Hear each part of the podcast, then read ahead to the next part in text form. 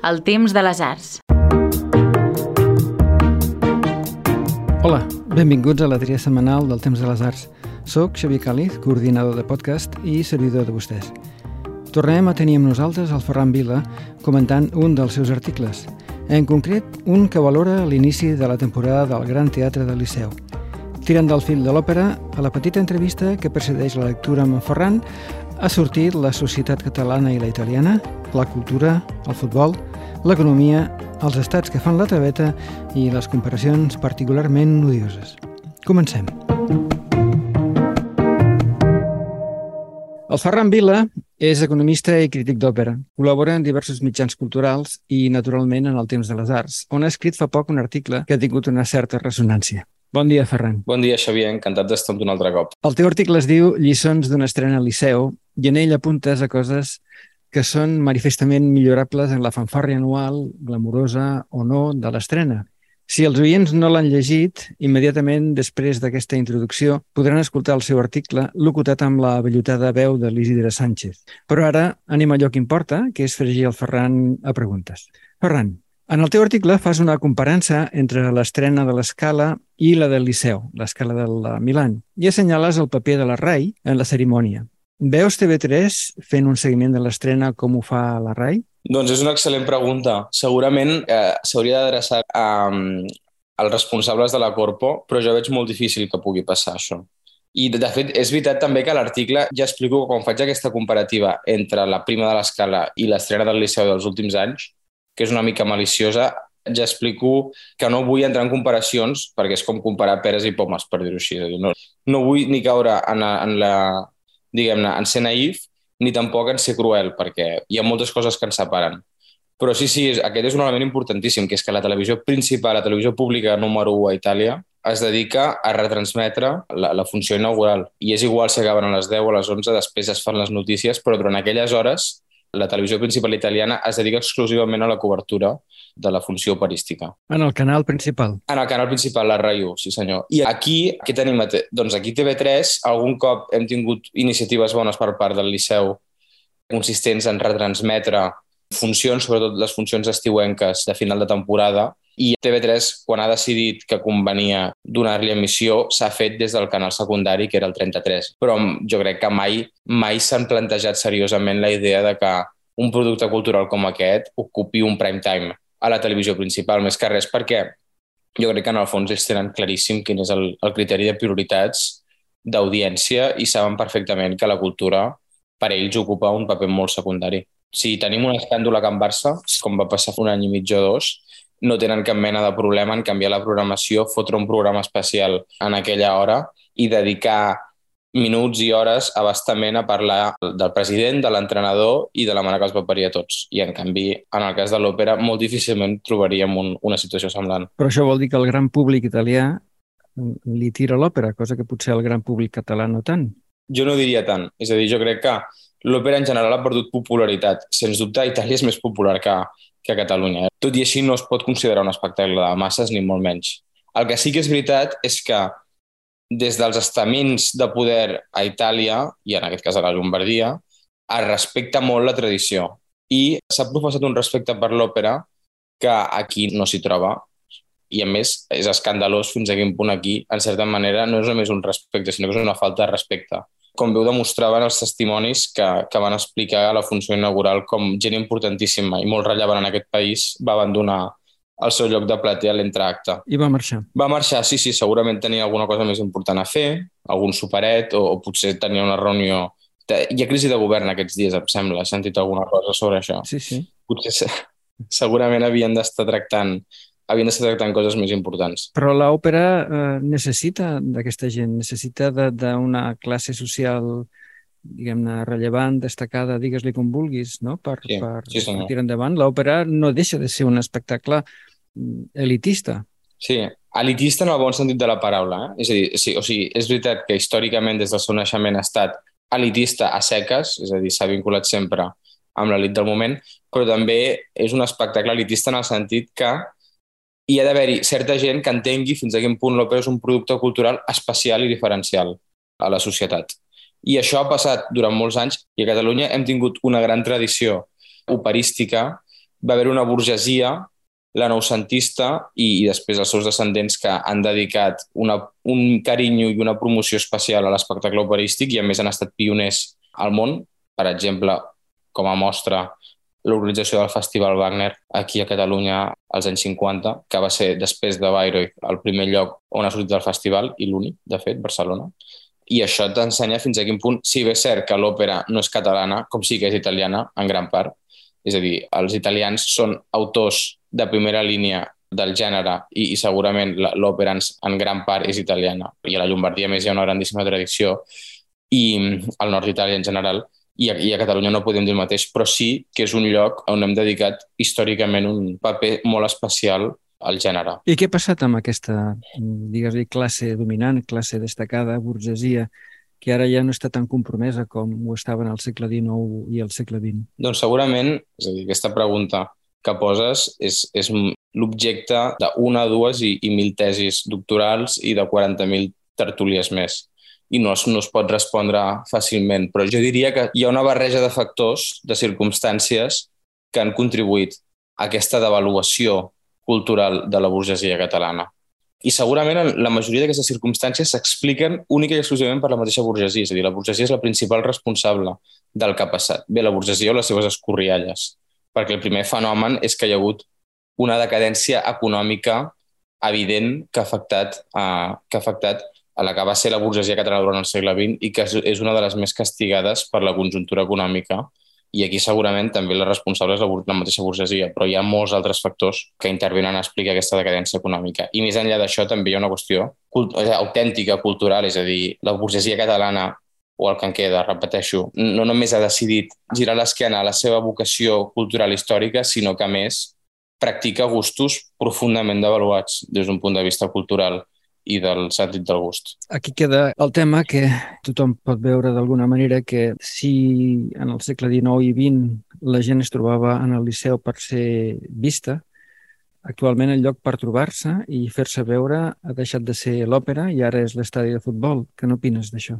La famosa metàfora del palco del Bernabéu. Efectivament. Sí, la veritat és que l'òpera ha perdut el seu paper central com, com a parador social. L'ha perdut històricament sempre l'havia tingut des del principi i ara no el té. Però jo crec que, tot i això, l'òpera és un producte, és, és un espectacle que encara genera certa reverència socialment. És a dir, la, la gent continua veient l'òpera amb uns ulls especials, com si fos una cosa diferent. També és veritat que potser és perquè no l'acaben d'entendre i perquè la veuen com una cosa molt allunyada de qualsevol altra mena de, producte cultural comú o de producte lúdic com és el futbol, però sí que és veritat que el que ho veuen amb uns ulls especials el que és evident és que la gent important, és a dir, la gent que influeix a la societat d'una forma o altra, li ha girat l'esquena d'una forma brutal i espantosa. No li ha mostrat cap mena de respecte com a producte cultural de primer nivell. I per mostra el que hem explicat que va passar el dia de l'estrena al Liceu, de fa dues setmanes. De fet, l'òpera o qualsevol altra manifestació cultural que no sigui purament espectacle, sembla com si certes elites el que fessin és seguir els hàbits culturals de la majoria abandonant una tradició d'un cert sibaritisme o alta cultura com el que han fet tradicionalment les classes altes. Hmm. Totalment d'acord. I això segurament és una de les coses que el, la direcció del Liceu no ha entès a l'hora de voler promocionar l'òpera com ho està fent, a través d'aquestes estrenes que imiten l'escala, eh, on busquen aplegar el glamour i, diguem-ne, el famoseig, o, o també a través d'aquesta política de l'Under 35, de voler fer sessions exclusives a, a preu regalat per menors de 35 anys, i on hi posen coloraines al Saló dels Miralls a l'entracte i també li posen música electrònica, perquè no entenen que eh, la seva estratègia és no, no, nosaltres portarem al liceu aquesta gent, però és que és al revés, és a dir, tu has de fer que la gent vingui cap a tu, és a dir, tu has de promoure una cultura que intenti inculcar el gènere, però primer fent una tasca de divulgació, és a dir, ensenyant-los a la gent o donant-los instruments aquella gent que vulgui, evidentment, això després ja, diguem-ne, tu primer llences l'esquer i després ja passarà el que hagi de passar, però li has de donar les eines de divulgació i els instruments necessaris perquè puguin entrar a l'òpera. I aquest segurament és un tema per un altre podcast, però l'òpera, perdona el símil econòmic, perquè això serà un defecte ara de Llonsis, però, però té una, hi ha una barrera d'entrada molt important en, en el món de l'òpera. És a dir, és un producte cultural molt estrany, és espectacular, eh? però és molt estrany. És estrany avui en dia. És estrany avui en dia, sí, i, i en certa manera es pot dir que sempre, és a dir, és, és un producte cultural diferent que per entrar-hi has de fer un esforç supletori, no hi ha cap altra mena de, de producte cultural així, en general. És a dir, evidentment, la literatura hi ha de moltes classes, però la literatura s'hi accedeix més fàcilment que l'òpera. I a la música sinfònica, evidentíssimament també. Llavors, l'òpera reclama aquest esforç extra perquè hi puguis accedir. I això és el que no s'acaba d'entendre des de la direcció del Liceu. Vols dir, que no, vols dir que no hi ha també una qüestió del temps que, que, que ens ha tocat viure? Perquè, si no vaig errat, l'òpera italiana no deixa de ser una derivació de la cançona napolitana, que era una cosa, era una música popular. D'alguna manera, potser tu em sabràs dir sí o si no, la, les, diguem el gran públic ja estava acostumat a un cert tipus de música i, i l'òpera italiana, de la qual Verdi n'era hereu, d'alguna manera el que va fer va ser desenvolupar-la i polir-la, o, o no trobes que, que és així? Sí i no. És a dir, és veritat que Verdi, per exemple, va ser un compositor que va, va convertir el gènere en una cosa molt popular i que va contribuir a que una cosa que abans era exclusivament, és a dir, la tradició del bel canto, que era exclusivament una cosa cortesana i allunyada de la, de la massa i del poble, ho va convertir en una cosa molt més del poble, això és cert. Però, malgrat tot, és a dir, la, tant l'òpera italiana com la resta de, de sensibilitats europees, és a dir, és un gènere que ha variat molt i que en la seva evolució tu notes com no té per què apropar-se a la sensibilitat popular, sinó ans al contrari. Passa el temps, passen els anys, anem del segle XIX al segle XX i passa al revés. És a dir, la sensibilitat operística s'allunya del que en aquell moment agrada a la gent. I el producte operístic del segle XX és sobretot a la primera part del segle XX, si em preguntes particularment, és un producte acollonant. És, en, en molts casos es pot considerar que arribem a la cúspide del gènere, que arribem al cim del gènere. I no té per què estar més a prop de la gent, segurament està, està més lluny. Però per mi aquest no és el debat rellevant. És a dir, jo crec que mm, una cultura que s'estimi a si mateixa no ha de tenir la vocació de, de convertir-se en popular en el sentit de no, no, rebaixarem la sensibilitat o moderarem la sensibilitat allò que li agrada a la gent. No té per què. És a dir, tu pots fer una cultura de molt valor i, i fins i tot d'èxit i que sigui guanyadora en aquest sentit, però fent una cosa completament diferent en aquell, en aquell moment. El, el que sí que has de procurar és intentar que la gent et segueixi. És a dir, intentar que la gent que és potencial consumidora d'aquesta cultura tingui predisposició i eines perquè puguin arribar-hi. El model italià o el model nord-italià pot ser un model a imitar? Seria, el podem copiar però sortirà malament, ah. ja t'avanço. Oh. Perquè... Ah, escolta, és coneguda l'afirmació d'un celebrat escriptor que deia que Catalunya és la part més italiana d'Espanya. Aviam, mm, si, si som els més italians d'Espanya, per què la societat de, de la Llombardia Mm, els hi les coses així i a nosaltres no. Explica'ns-ho. Si, si, si, us, si us ho pogués explicar, seria Josep Pla i, i ara mateix no, no estaria... És a dir, és, és una qüestió que em, que em queda llunyíssim. Però jo, jo sí que et puc dir, per exemple, quan Pla deia que, que Catalunya era la part més occidental d'Itàlia, o no sé com s'ho feia anar, deia que la forma de vida, mm. és a dir, la filosofia de vida era molt semblant. Però jo crec que qualsevol català assenyat i raonable ha d'entendre que les diferències culturals entre Itàlia i Catalunya són abismals. I no perquè nosaltres siguem, és a dir, no perquè nosaltres en el seu moment no haguem tingut un floriment cultural interessantíssim i haguem estat referents mundials en la qüestió, que és, és aquest el cas sinó perquè el bagatge, la tradició, és a dir, tot el que acumula Itàlia aquí no, no es pot explicar de la mateixa manera. És a dir, juguem en lligues diferents en aquesta competició i hem d'assumir-ho. Però no, no té res a veure una cosa amb l'altra. És a dir, l'òpera és, és italiana i no catalana, però nosaltres, quan hem volgut estimar-nos aquest gènere, ho hem fet molt bé i ho hem fet de forma pionera.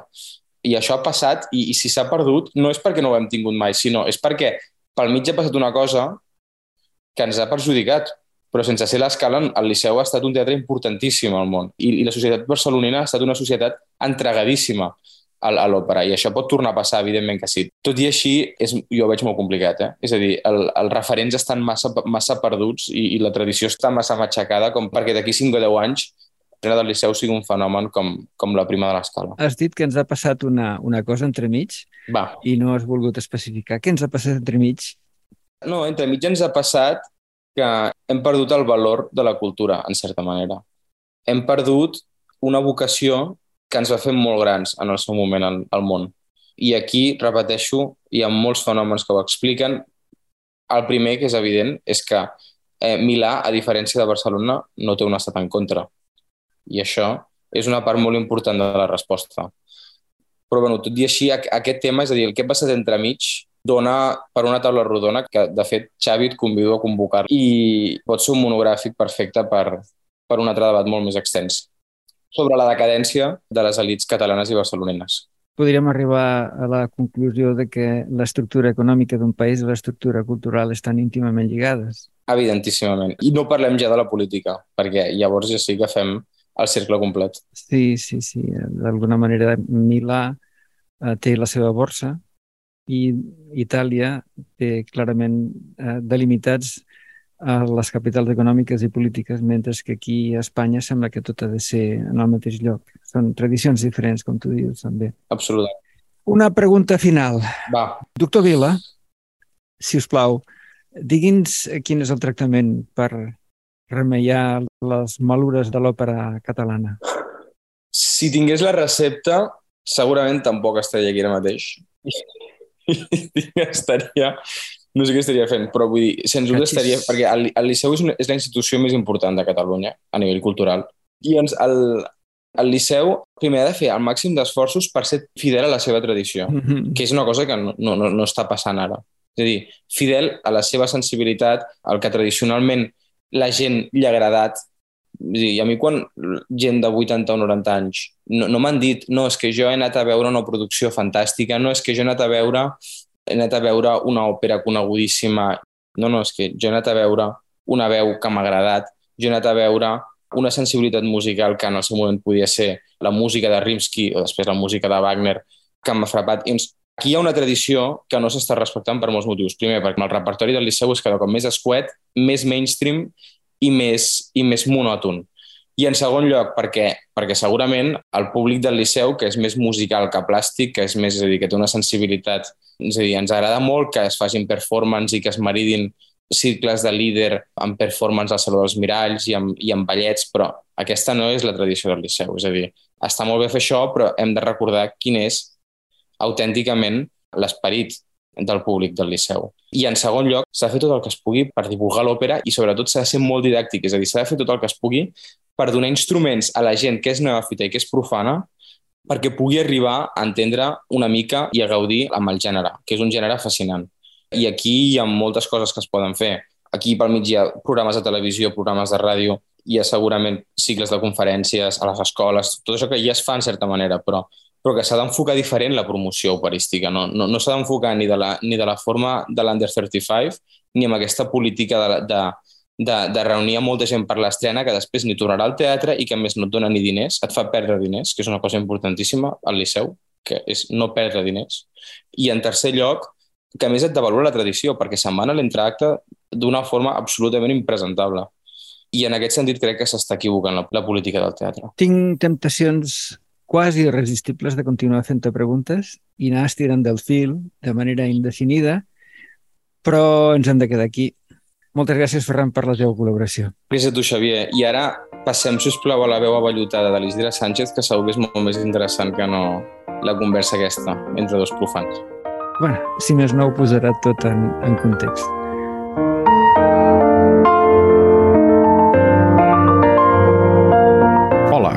Soc Damià Morós. Potser m'hauran sentit a La Reserva, el podcast de patrimoni del temps de les arts. Si no ho han fet i els agrada l'art, els museus, els monuments i allò que té a veure amb la cultura del nostre passat, ens poden seguir al podcast La Reserva del temps de les arts.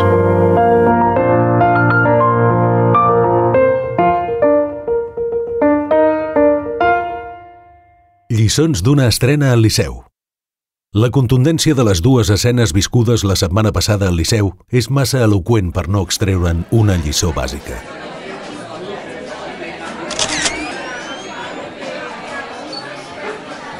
Ja fa alguns anys que el Liceu ha decidit convertir l'estrena de la temporada en una gala de catifa vermella i fotocol. D'aquelles on polítics, coneguts i famosets s'apleguen encantats d'haver-se conegut i figurant la més gran de les cordialitats – i entremig s'hi troben desclassats, els que posen la pasta, els mecenes, i els que ensenyen com gastar-la, els crítics. La qüestió és que la direcció ha cregut que treure a passejar la Fira de les Vanitats és una bona forma de llançar la temporada. I fan santament de pensar-ho. Una cultura que gira l'esquena al glamour és una cultura cadavèrica, sentenciada. L'art ha de ser un element de prestigi als ulls de les masses. Fins i tot diria que ha de desvetllar un respecte unànime, reverencial. Encara que de fet sigui consumit per una minoria i de forma selecta, és imprescindible que conservi un cert vernís de brillantor als ulls del gran públic. Els italians són el poble que millor ha comprès fins a quin punt la cultura necessita la moda. En el fons, la iniciativa del Liceu no deixa de ser una tímida temptativa de reproduir el que passa cada any per Sant Ambrós, el 7 de setembre, a l'escala de Milà. La Prima Escagliera és el gran esdeveniment cultural del país – és el dia en què el bo i millor de la classe política italiana i de la gent set llombardesa es donen cita. Rai Cultura presenta La prima della Scala, martedì alle 17.45 su Rai 1 e Rai Radio 3. Una nit en la qual les càmeres principals de la Rai 1 estan tan pendents de la batuta del mestre Chailly com dels innombrables looks d'Armani que van desfilant per la catifa vermella. I sobretot, és una nit en què una burgesia compromesa, la milanesa, promou la creació artística de la seva ciutat tot desembutxacant 3.000 eurets per cada butaca de platea. En una sola nit, l'escala mata dos pardals d'un tir, llança la campanya de màrqueting més eficaç possible i obté una font d'ingressos considerable per finançar la temporada. I encara més, si la direcció artística és una mica bona, contribueix a reforçar i engrandir la gloriosa reputació que acompanya el teatre amb més tradició d'Occident. En definitiva, tot el sarau de la prima serveix a la institució per treure'n un rèdit evident. En certa manera, podríem dir que el seu valor és bàsicament instrumental.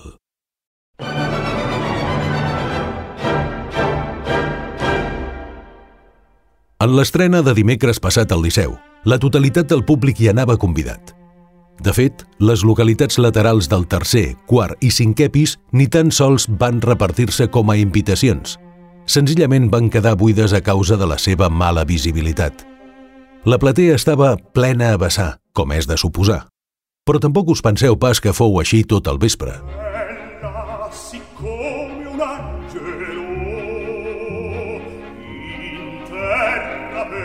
Asseguren diversos testimonis, el servidor que us escriu no va assistir-hi, que certs convidats il·lustres van aprofitar l'entreacte per fer una amable bomba de fum. La resta, això sí, va mantenir el decòrum fins a la nota final. Tot seguit, van desallotjar ordenadament una sala que molts d'ells, presumiblement, no tornaran a trepitjar fins l'any vinent, perquè s'hi fa un espectacle que no els interessa, que amb prou feines en tenen – i l'endemà era el torn del públic que paga, abonat, entregat i fidel que, aquest sí, té a disposició a preus de 50 i 70 euros les localitats que el dia anterior el teatre havia deixat desertes. L'aspecte que va presentar el teatre fou absolutament lamentable, una xifra d'assistència nefasta. La platea, a més de 200 euros la butaca, estava pràcticament buida. Explicant-vos això, no pretenc establir cap mena de comparativa entre el Liceu i l'Escala. No em cregueu tan il·lús o tan malvat. El pes de la tradició és poderosíssim i un bon costum no es construeix d'un dia per l'altre.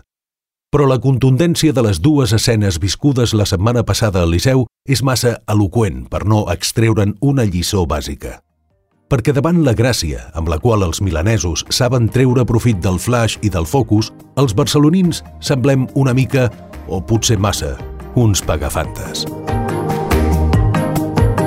I fins aquí la tria setmanal del Temps de les Arts.